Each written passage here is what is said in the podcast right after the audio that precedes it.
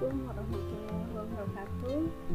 Selamat bergabung dalam podcast seputar pendidikan anak usia dini bersama saya Konita, dosen dari Prodi Pendidikan Guru Pendidikan Anak Usia Dini UPI Kampus Tasikmalaya.